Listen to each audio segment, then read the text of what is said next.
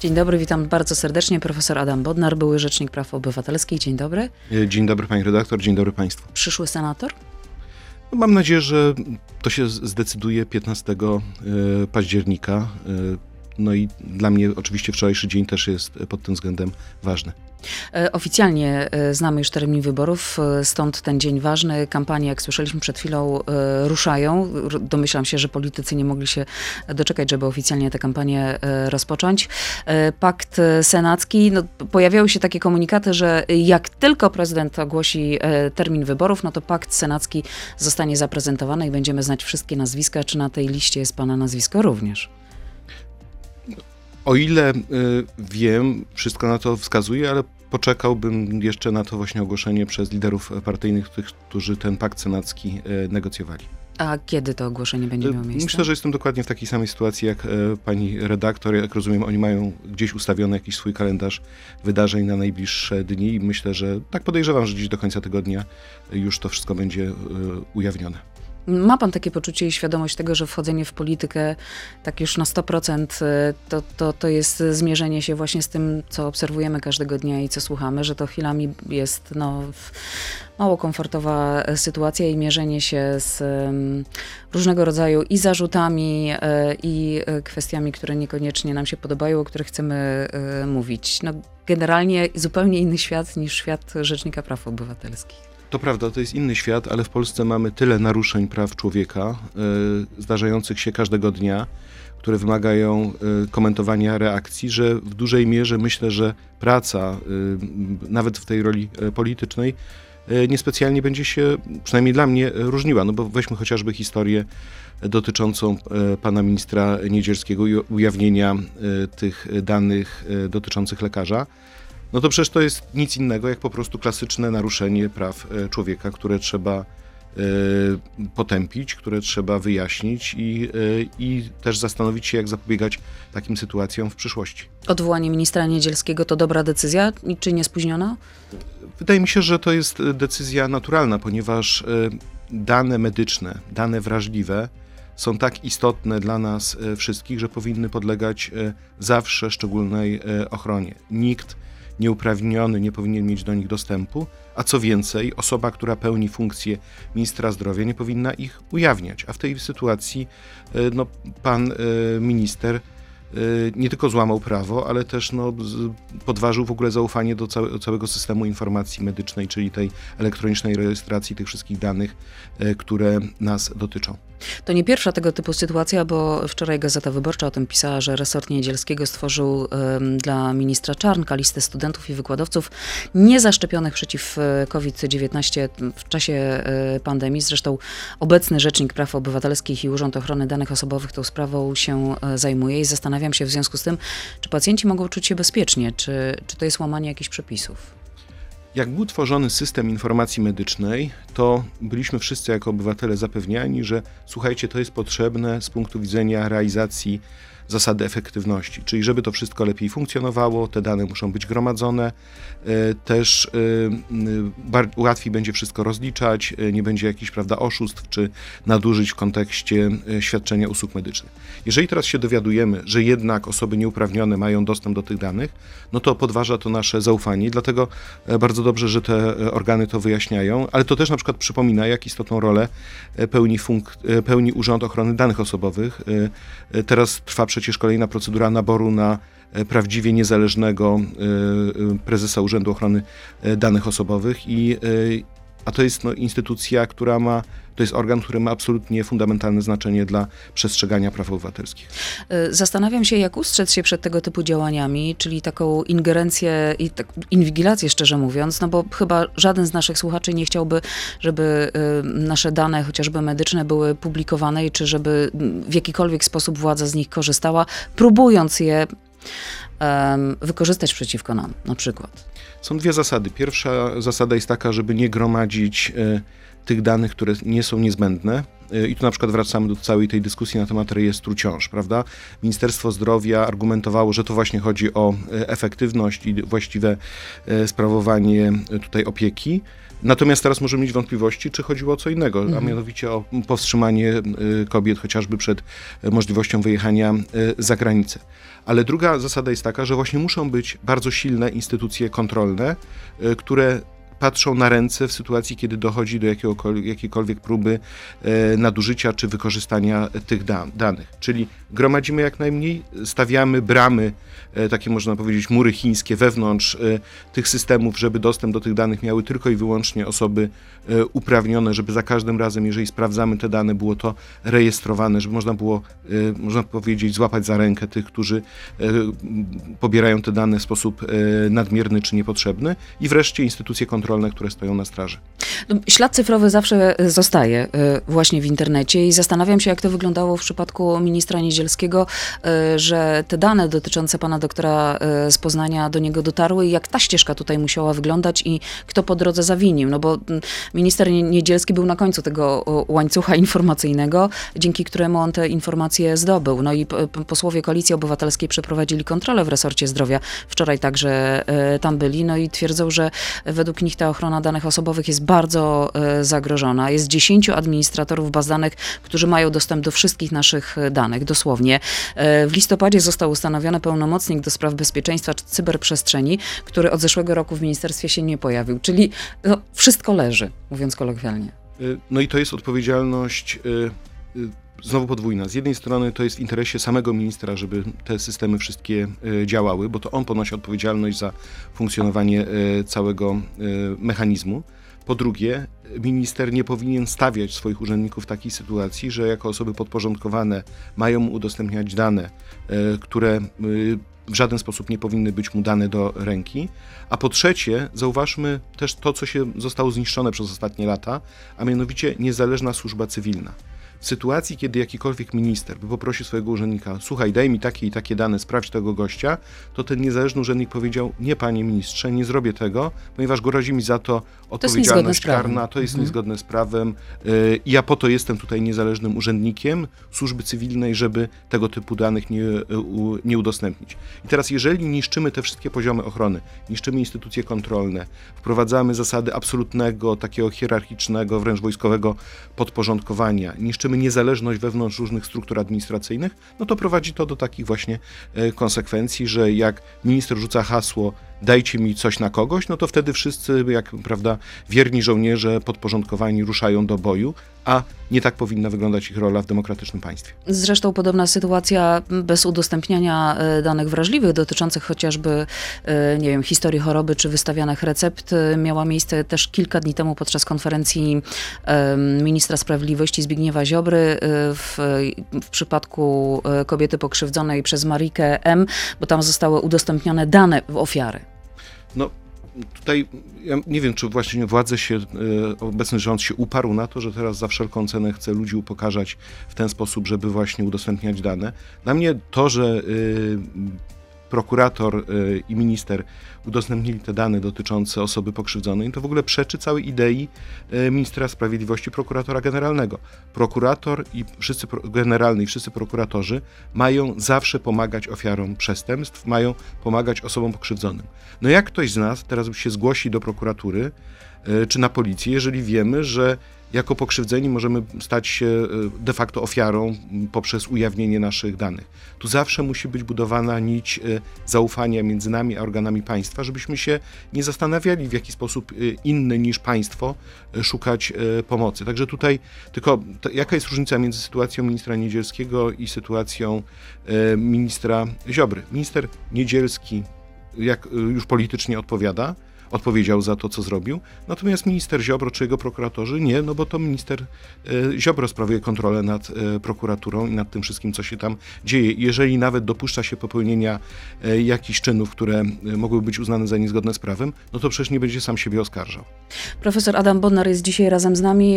Przenosimy się do internetu, Radio ZPL, YouTube i Facebook. Proszę zostać z nami i za sekundę jesteśmy. To jest gość Radia Z. No i jesteśmy znów, profesor Adam Bodnar. Zastanawiam się, panie profesorze, mm, czy decyzja o odwołaniu ministra Niedzielskiego miałaby w ogóle miejsce, e, gdybyśmy nie byli dwa miesiące przed e, wyborami parlamentarnymi? Czy ta decyzja nie została spowodowana tym nie tyle prawdopodobnie e, mm, złamaniem prawa przez ministra Niedzielskiego, ale faktem, że jesteśmy w trakcie kampanii wyborczej?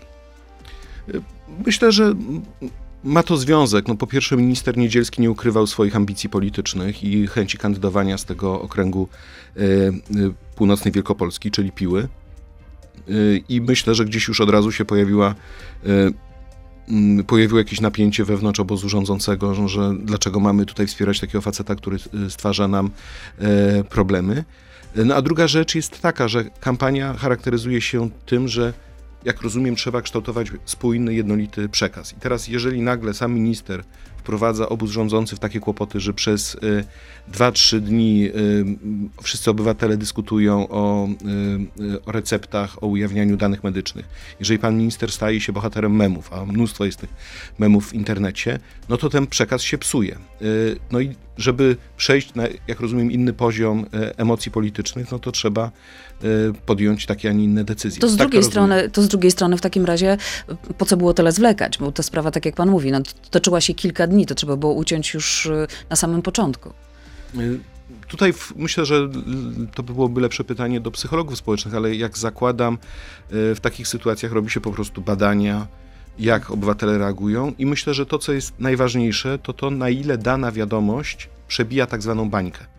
Y, czyli na ile można ją powiedzieć, a to jest tam spisek jakichś tam liberalnych grup, jakiejś jednej gazety, jednego radia, jednej telewizji i obywatele się nie przejmujcie i przykryć to jakimiś innymi, prawda, wydarzeniami czy hasłami, a na ile po prostu to jest y, temat, który przebija y, y, właśnie taką bańkę zainteresowania. Jak rozumiem, tematyka zdrowia jest taka, że gdzieś trafia do wszystkich. Zauważmy, rozmawiamy o tej historii, dwa tygodnie po tym, jak rozmawialiśmy o historii pani Joanny. Dokładnie. To też była historia, która absolutnie przebiła bańkę, rozlała się e, do całego internetu i wszyscy obywatele o niej e, dyskutowali, a w czasie kampanii wydaje mi się, że to jest szczególnie dla obozu władzy niebezpieczne, ponieważ się nauczył, że kontroluje przekaz i kontroluje, kontroluje wszystko to, co się dzieje, bo na tym polega mechanizm tej władzy, na takim ciągłej propagandzie i oszukiwaniu obywateli. Zresztą temat zdrowia to jest temat E, chyba priorytetowy, jeżeli chodzi o kampanię, bo z wszystkich sondaży wynika, że e, dla nas, dla obywateli, dla Polaków to jest jeden z najważniejszych e, tematów.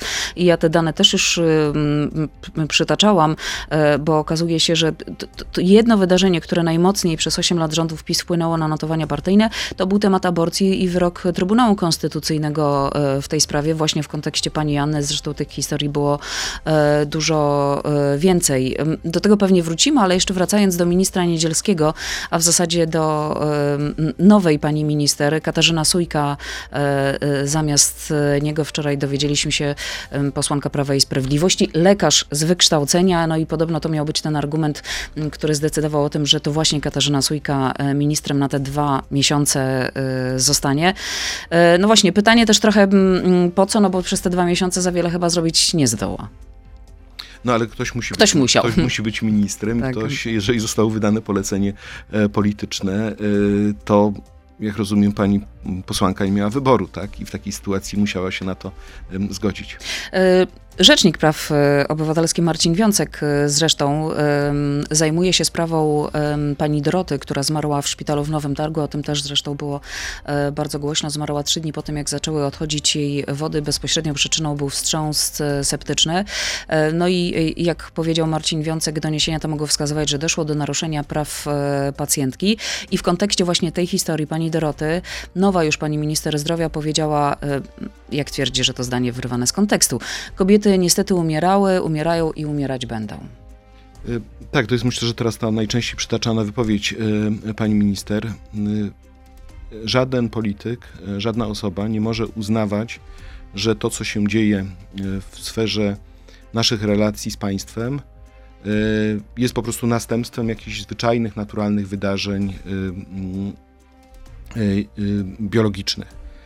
Y, obowiązkiem każdego polityka, obowiązkiem każdej osoby, która sprawuje funkcje publiczne, jest zawsze mówić zrobię wszystko, co w mojej mocy, aby wszystkie przypadki niepotrzebnych śmierci się nie zdarzały, żeby je minimalizować, żeby tak kształtować system zdrowia, aby prawo do życia było w sposób maksymalny gwarantowane. No i to, co niestety obserwujemy jako konsekwencję wyroku Trybunału Konstytucyjnego z października 2020 roku, to jest to, że kobiety niestety umierają ze względu na ten strach, e, ten taki duch kadzidła, e, dym kadzidła, który się unosi nad e, szpitalami, gdzie szpitale, lekarze po prostu nie dokonują zabiegów aborcji wtedy, kiedy to należy zrobić, bo na przykład uważają, że e, za wszelką cenę e, na przykład nie, nie można ryzykować jakiejś operacji, która mogłaby zaszkodzić płodowi. No i to jest coś złego, coś z czym po prostu musimy walczyć i coś, co należy zlikwidować. To znaczy dostęp do legalnej aborcji to jest jeden, jeden z najważniejszych tematów także tej kampanii. Ale mm, zastanawiam się, jak to może świadczyć o pani minister, kobiecie i lekarzu, który wypowiada takie, a inne słowa. E, jak wiele pacjentów, pacjentek chciałoby do tego typu, do tego lekarza pójść po jakąkolwiek pomoc, skoro mm, czyta się takie rzeczy. Ja myślę, że my już się przyzwyczailiśmy w naszym życiu publicznym, że niezależnie od tego, jakie funkcje wykonujemy, ludzie mogą mieć bardzo różne poglądy i czasami te poglądy trochę za bardzo przysłaniają to, jakie składaliśmy przysięgi, prawda? Słyszymy prawników, którzy, naukowców, e, prawników także, którzy przysięgali, którzy e, wierność konstytucji, wartościom związanym z praworządnością, a później opowiadają różne rzeczy, które są absolutnie sprzeczne z podstawowymi zasadami konstytucyjnymi. Mamy lekarzy, którzy właśnie deklarują to, aby obywatelom za wszelką cenę pomagać, składają przysięgę Hipokratesa, a później prawda, rzucają tego typu e, słowa jako e, politycy. I, e, i oczywiście no, to jest wtedy zadanie dla odpowiednich też środowisk zawodowych, żeby tych polityków nie tylko rozliczać politycznie, ale też przypominać im, jaki mają zawód, e, do czego się zobowiązywali, e, czyli żeby w takich sytuacjach też reagowała chociażby Naczelna e, Rada Lekarska. W przypadku ministra Niedzielskiego zareagowała, tak jak już mówiliśmy, mm, bo szef, prezes Naczelnej Rady Lekarskiej Łukasz Jankowski zwrócił się już do prokuratury Urzędu Ochrony Danych Osobowych, Rzecznika Praw Obywatelskich i Rzecznika Praw Pacjenta, więc bardzo możliwe, że konsekwencje prawne prawne będą. Zresztą mm, pan doktor z Poznania, od którego tak naprawdę wszystko się zaczęło, domaga się od ministra przeprosin i zadośćuczynienia. E, I jeżeli e, do tych przeprosin, do tego zadośćuczynienia nie dojdzie, e, no to mówi, że sprawa trafi do sądu. Słusznie według pana? Absolutnie tak. To znaczy w takiej sytuacji, kiedy minister ujawnia dane wrażliwe, no to tak, to jest naruszenie dóbr osobistych i możemy się domagać odpowiedzialności odpowiedzialności cywilnej. Myślę, że pan e, doktor bardzo dobrze czyni, właśnie idąc e, e, taką drogą.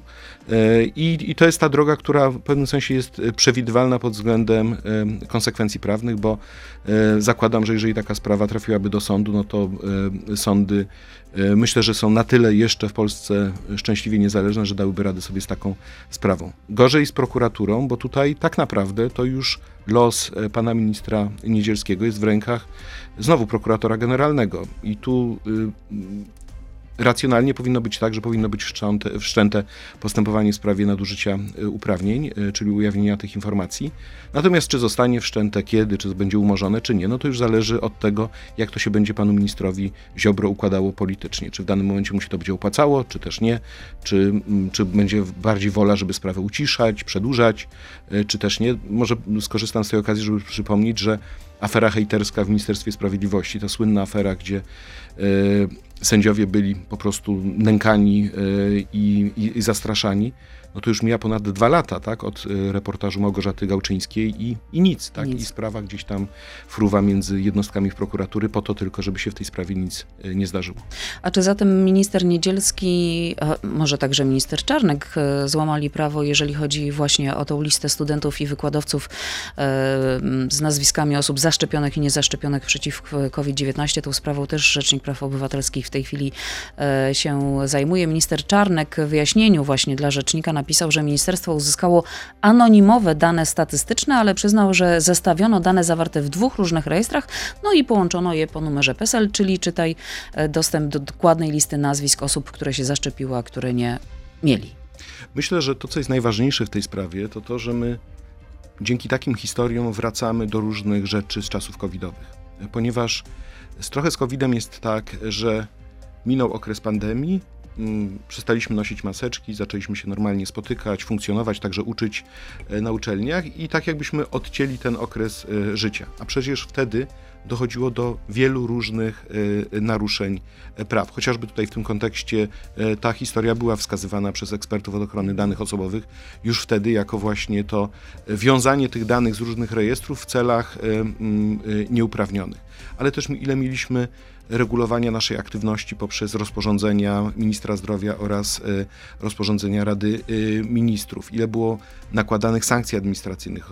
Mam wrażenie, że jeszcze wciąż są ludzie, którzy na przykład się nie wyplątali z tych gigantycznych, kilkudziesięciotysięcznych e, grzywien, które były nakładane e, za przebywanie w różnych, e, w różnych miejscach. Także dobrze, że do tych spraw wracamy. Ja w ogóle uważam, że jak przyjdą te czasy, mam nadzieję, po zwycięstwie opozycji demokratycznej, to zostanie stworzona albo jakaś specjalna komisja, albo być może specjalny instytut, który będzie wyjaśniał różnego rodzaju nadużycia i popełnione w czasie covidowym. I nie tylko chodzi o to, żeby rozliczać ludzi, tylko chodzi o to, żebyśmy po prostu zgromadzili taką wiedzę dotyczącą funkcjonowania państwa, żeby naprawiać funkcjonowanie tego państwa na przyszłość. E, jaki ma pan pomysł na kampanię wyborczą? E, mój pomysł jest, e, no to wszystko oczywiście zależy, jak to będzie wyglądało, ale jeżeli jeżeli miałbym kandydować z okręgu 44, to jest okręg, który obejmuje Warszawa, Warszawę, Śródmieście, E, Żoliborz, Bielany, Białołękę, e, ale także e, za granicę, no to to już w dużej mierze będzie determinowało moją kampanię, no bo będę musiał być trochę aktywny też poza granicami Polski. Jaki pomysł? Myślę, że cały czas powtarzanie tego, co mówiłem w czasie marszu 4 czerwca, czyli że musimy odzyskać zaufanie do państwa. Musimy pod każdym względem mieć poczucie, że państwo nas chroni, że państwo realizuje swoje obowiązki w stosunku do nas, że państwo, jeżeli dochodzi do naruszenia naszych praw, mamy odpowiednie instrumenty y, radzenia sobie z takimi sytuacjami, y, ale także jest to państwo, które nas chroni w sensie członkostwa w Unii Europejskiej, y, w sensie także otoczenia wsparciem tych najsłabszych, którzy w tym państwie nie są w stanie sobie poradzić. Tego wszystkiego dzisiaj nie ma? Myślę, że wielu rzeczy nie ma. Tak, członkostwo Polski w Unii Europejskiej uważam, że jest cały czas zagrożone i gdzieś no, wisi, nie powiem, że wisi na włosku, ale, ale zbyt często pojawiają się jakieś takie wizje, że właśnie może to jest ta droga, którą Polska powinna w którymś momencie podążyć, to będzie, to jest myślę, że i historycznie, i cywilizacyjnie zgubne dla Polski. Z praworządnością no, jest y, potężny kłopot i dużo rzeczy trzeba zrobić, żeby naprawić. Trzeba odzyskać y, zaufanie obywateli do funkcjonowania różnych instytucji y, publicznych. Rozmawiamy o ministrze Niedzielskim, to jest jeden, to jest jeden z wielu, wielu przykładów. Jak dyskutujemy o prawie do zdrowia, no to pojawia nam się w tym kontekście, pojawiają nam się zwłaszcza prawa kobiet i nie tylko dostęp do legalnej aborcji, a na przykład dostęp do, do in vitro. I w dużej mierze większość rzeczy, o których mówiłem jako e, rzecznik, o które się upominałem, to, to tak naprawdę są tematy kampanijne. Chciałbym po prostu o nich e, mówić i, i je e, przypominać i wskazywać, dlaczego tak ważne jest właśnie dbanie o przestrzeganie wartości konstytucyjnych. Jakby można było podsumować, to kto według Pana kończy prekampanię zwycięsko? Ona się zakończyła tak naprawdę, teraz już mamy oficjalną kampanię. Ta prekampania się toczyła z większym lub mniejszym przytupem, według Pana, czy można powiedzieć o, o tym, komu poszła ona lepiej? Myślę, że my tego nie wiemy, mhm. bo y, nie jesteśmy w stanie do końca określić, ile środków publicznych y, zostało wykorzystane przez y, spółki Skarbu Państwa, przez media publiczne, przez Prawo i Sprawiedliwość i ośrodki rządowe na realizację swoich celów kampanijnych. Y, co więcej, ja myślę, że nawet jak się skończyła prekampania, to i tak na różne sposoby będą te środki wykorzystywane i partia rządząca będzie wykorzystywała wpływ na media publiczne oraz media podporządkowane poprzez różne kontrakty sponsorskie reklamowe, czy chociażby media opanowane przez PKN Orlen. Także to nie jest, prekampania to jest ten moment, kiedy można, y, trudno było kogoś złapać za rękę. Teraz myślę, że będzie ciut łatwiej, ale to nie znaczy, że nie będą podejmowane różne próby przez y, ośrodek y, rządowy. No i zresztą y, być może zobaczymy, czy będzie referendum w tym samym momencie, co, co dzień wyborów, no bo jeżeli będzie referendum, to oznacza to także zupełnie inne możliwości finansowe. A jak oddzielić, czy jak w ogóle oddzielić kampanię do parlamentu od kampanii referendalnej? No bo wszystko na to wskazuje, że obie będą szły tak dwutorowo i, i, i prawdopodobnie ta, ta kampania referendalna e, będzie miała sens, no bo referendum będzie. Wszystko zależy od tego, jakie będą pytania. No bo jeżeli nagle się dowiemy, że Prawo i Sprawiedliwość wymyśliło serię 10 pytań referendalnych i te pytania dotyczą wszystkich możliwych tematów naszego życia publicznego, no to się nagle okaże, że bardzo trudno jest cokolwiek mhm. E, od, oddzielić. Ale jeżeli to będzie tylko i wyłącznie jeden e, temat i przykładowo nie będzie to temat dotyczący polityki migracyjnej i uchodźców, a kampania będzie dotyczyła kwestii inflacji, drożyzny i tak dalej, no to trochę trudno połączyć jedno y, y, z drugim. Także wydaje mi się, że kwestia tematu może y, będzie mogła determinować, w jaki sposób rozdzielać te środki, które są przeznaczane na różne cele. Jak nie zagłosować w referendum? Bo to jest pytanie, które dość często wraca, bo jeżeli pójdziemy zagłosować właśnie do wyborach do parlamentu, do Sejmu i Senatu, to od razu prawdopodobnie wszystko na to wskazuje, dostaniemy też kartę do głosowania w referendum.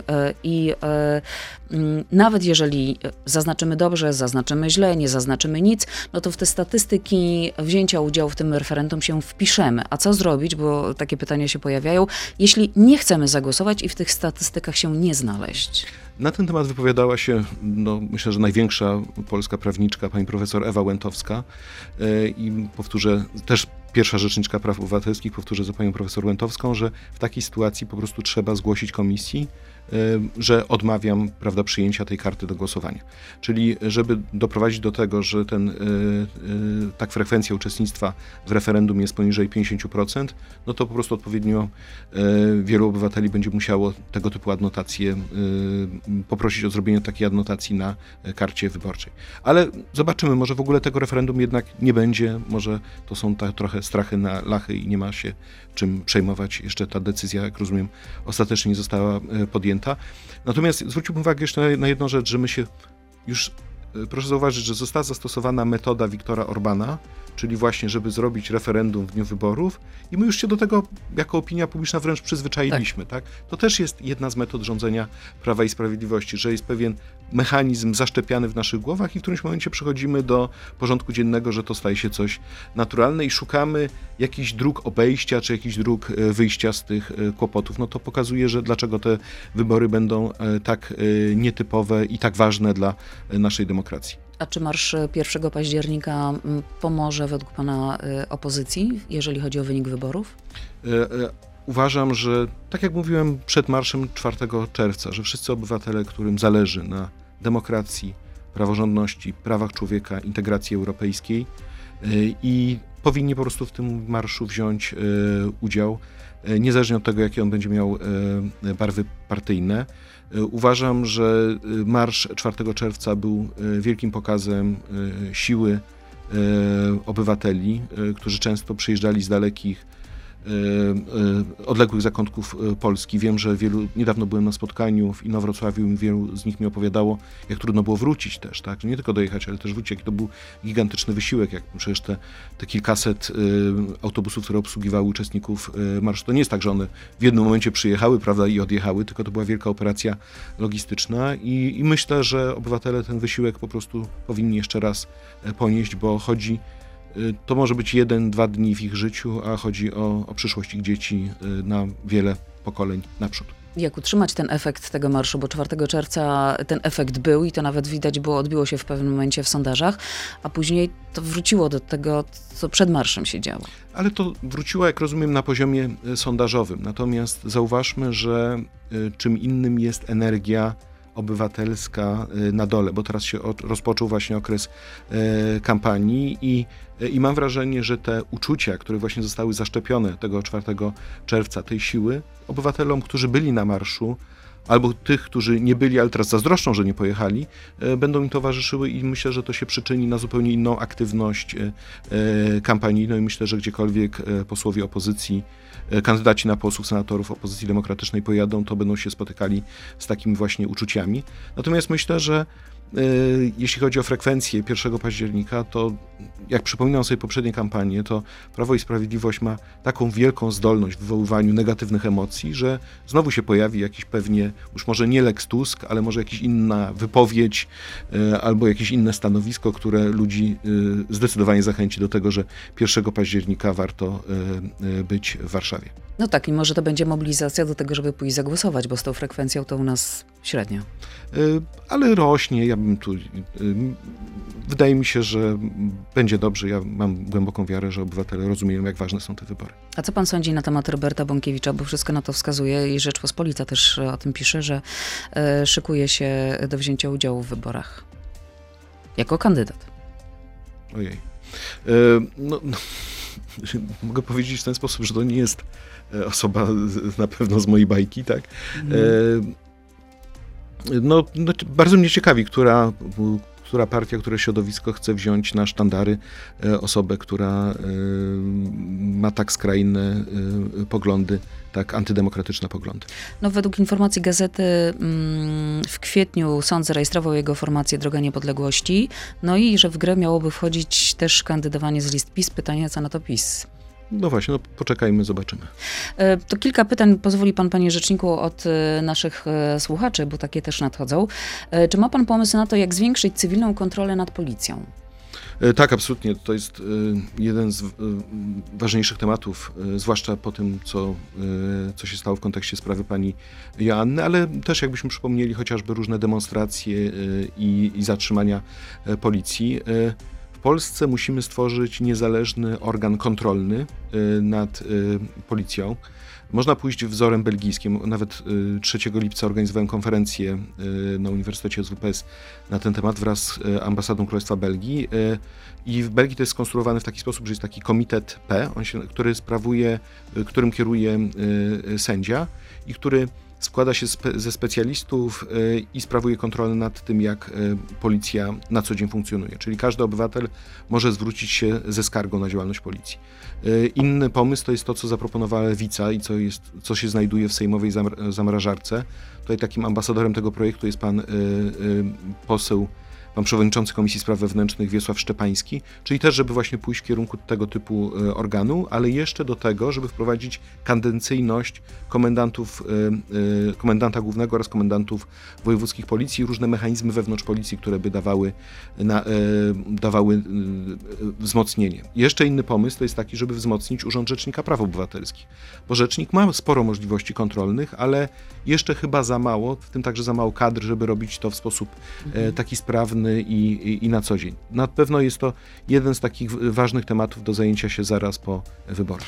E, a kto by miał stać na czele tej instytucji kontrolnej, żeby ta policja jednak e, nie podlegała państwu i nie, nie stała się polityczna?